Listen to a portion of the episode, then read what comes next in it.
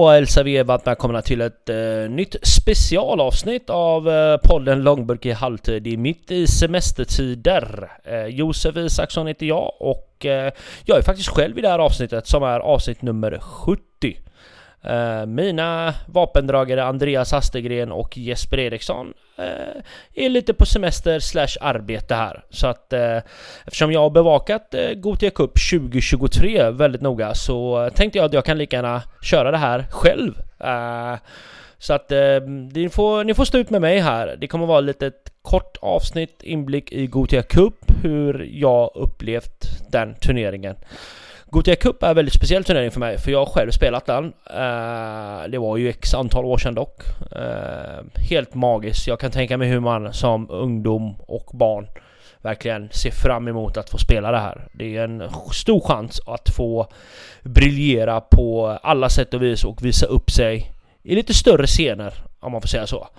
Eh, jag, eh, det laget som jag har valt att följa lite extra noga är eh, Göteholm och i synnerhet då med tanke på vårt avsnitt som vi hade förra veckan med Adam Regani, tränare för Göteholm.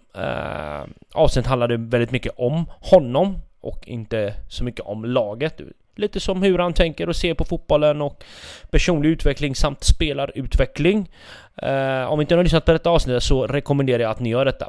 Eh, riktigt kul att få tala med honom. Eh, Göteholm ha, hade spelmässigt en ganska bra gruppspel men eh, tyvärr snöpligt nog så blev det lite dystra scener i deras match igår mot ett mexikanskt lag där eh, matchen fick avbrytas när Göteholm ledde med 2-0 och Göteholm var i det skedet då vidare till eh, avslutspel. Men eh, tyvärr så bröt det loss där eh, och eh, både Göteholm och det mexikanska laget blev alltså uteslutna från turneringen. Väldigt tråkigt förstås eh, med tanke på att jag vet hur mycket alla spelare vill verkligen vinna och gå långt i turneringen. Men jag är övertygad om att både det mexikanska laget och Göteholm kommer att komma tillbaka starkare och även Adam Regani då. Jag önskar honom all lycka och jag tror att han kommer komma tillbaka ännu bättre och starkare nästa år.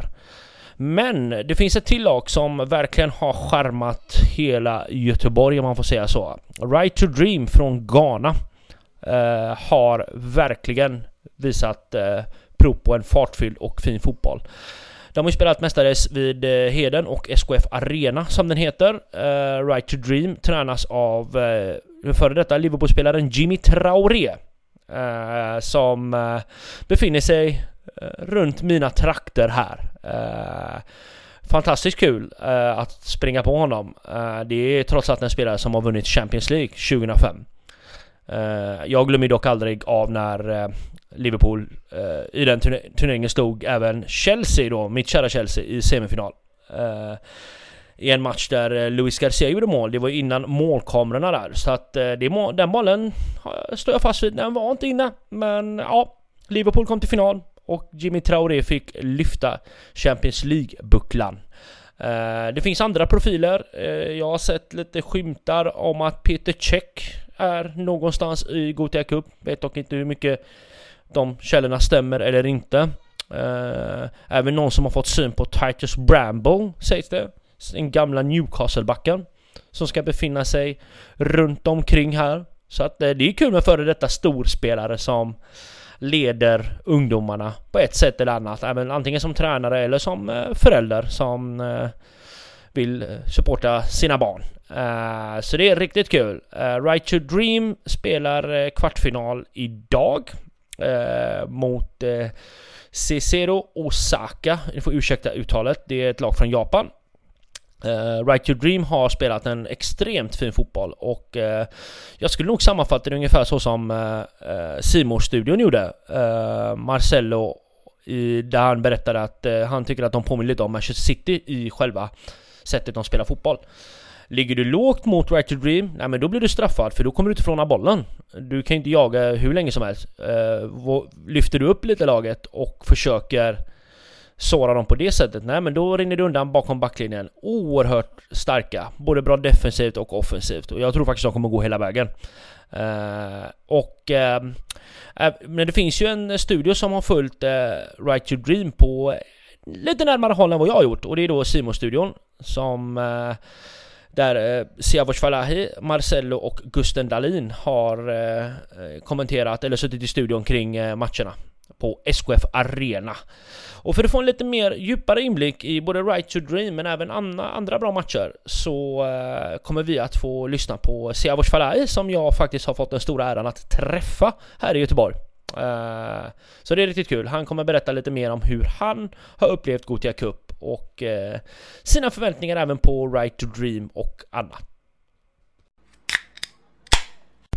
Ja, då står vi här utanför SKF Arena tillsammans med eh, Sia Falahi. Varmt välkommen! Stort tack, stort tack!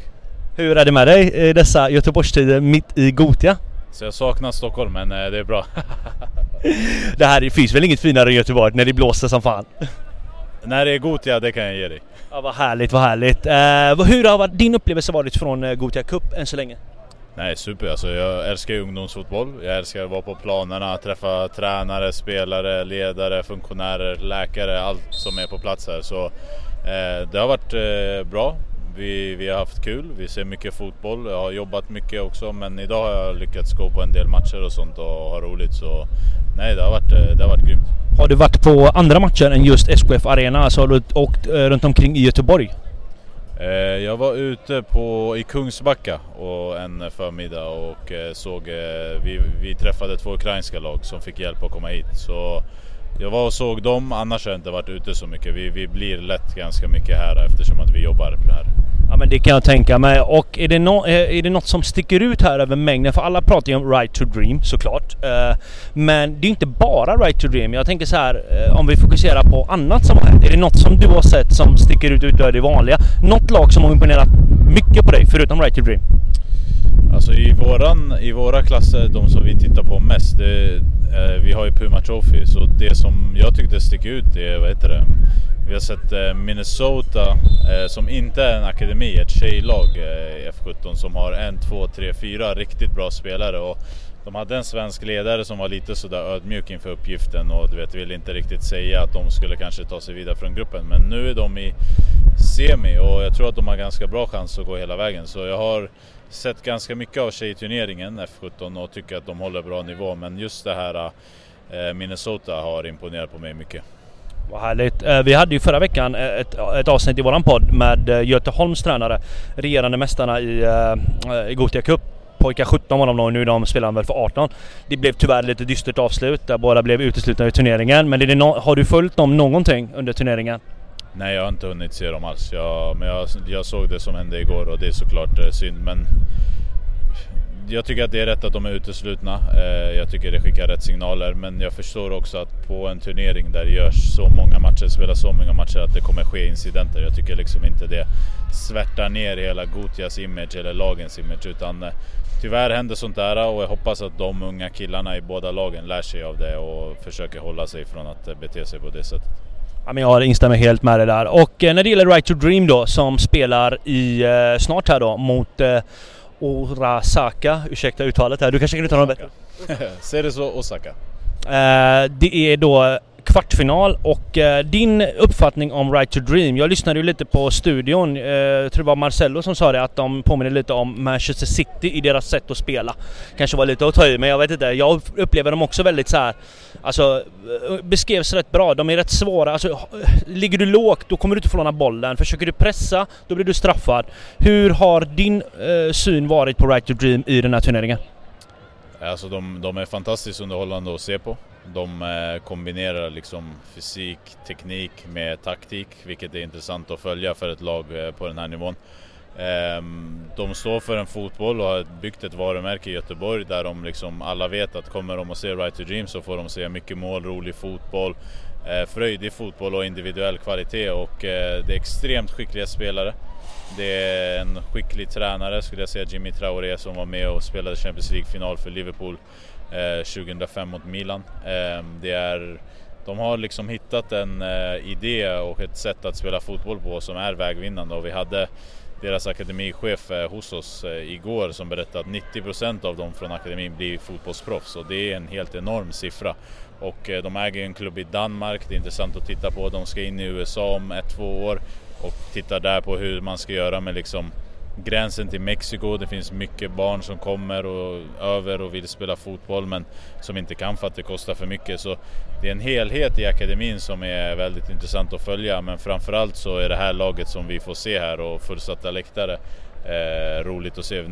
Där vi står nu brukar det inte gå att stå för att det är helt fullt eh, när de spelar. Så eh, såklart eh, roligt att se dem. Jag nämnde ju förut att eh, det var nästan mer publik när Right Dream spelade sist än vad det är på Degerfors hemmamatcher. Men eh, det är väl inte någon jättefelaktig siffra jag nämner där? Nej, jag tror att det är ganska många allsvenska klubbar som hade varit nöjda om det kom 8500 pers och såg dem vecka ut och vecka in. Jag är, håller ju på BP som är Europas största fotbollsklubb men där så snackar vi att 4000 är en bra siffra. Så absolut, och jag tycker att det visar någonstans vad som händer när du har en fotbollsgalen stad en sån här vecka och eh, ett lag som Right to Dream kommer. Det ska bli kul att se om de går till final på Ullevi, hur många som kan komma dit för att eh, hur många de fyller den läktaren med.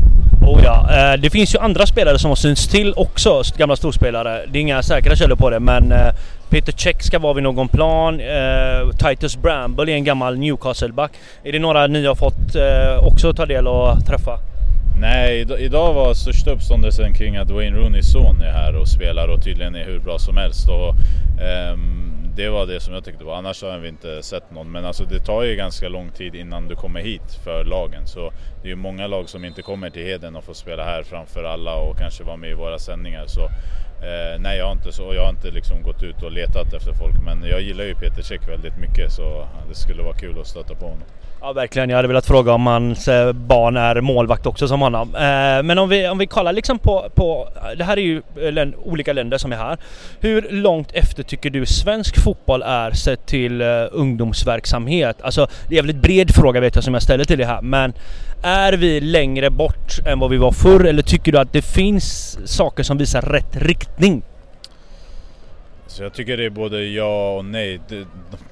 Jag utgår från att de bästa akademierna är nog inte här, MFF och BP. De är överlägset bäst i Sverige skulle jag säga, sett till att ta fram spelare, spelare som får A-lagstid, spelare som får sen spela i Allsvenskan eh, och i Europa. Eh, så det, är svårt att dra slutsatser utifrån det, men jag tycker att det märks på tjejsidan att eh, jag tror att där har vi en stor risk. För att på här sidan tycker jag att vi har hamnat efter. Eh, fotbollen blir bättre, snabbare, men vi i Sverige står och stampar lite och eh, hittar liksom ingen riktigt enad väg framåt där det kanske görs i andra länder. Eh, men på tjejsidan så är jag faktiskt orolig för att eh, jag vet inte om vi jobbar tillräckligt bra och då är vi ett av länderna i världen där det är enklast för tjejer att få spela fotboll. Och man ska med sig att damfotbollen till skillnad från herrfotbollen Eh, där man pratar mycket om akademier och talangutveckling och träning och sånt. Det handlar mycket mer om mänskliga rättigheter. Eh, så nu finns det en situation där Sverige fortsatt kommer vara ett av de tio bästa länderna i världen, men inte för att man jobbar så bra med fotboll, men för att man kan ha många som spelar fotboll. Jag börjar liksom undra, vad händer med svensk fotboll och Sverige när andra länder börjar komma ikapp i mänskliga rättigheter, tjejer får spela fotboll? Då tror jag att det kan bli extremt farligt att inte utvärdera vår fotboll. För vi har ju lyxen att ha ett damlandslag som alltid är bland de bästa i världen. Som alltid är med i finaler, kvartsfinaler, semifinaler, som alltid är på mästerskap. Men det är något som vi inte kan ta för givet och jag skulle börja titta på hur vi ska förbättra vår fotboll. För vi har alla möjligheter men vi riskerar att halka efter. Jag håller helt med dig faktiskt. Alltså om man tittar på damlandslaget, som du sa, vi är ett av de tio bästa. Och tittar man på herrlandslaget där så, så är vi inte bland de 30 bästa skulle jag säga liksom.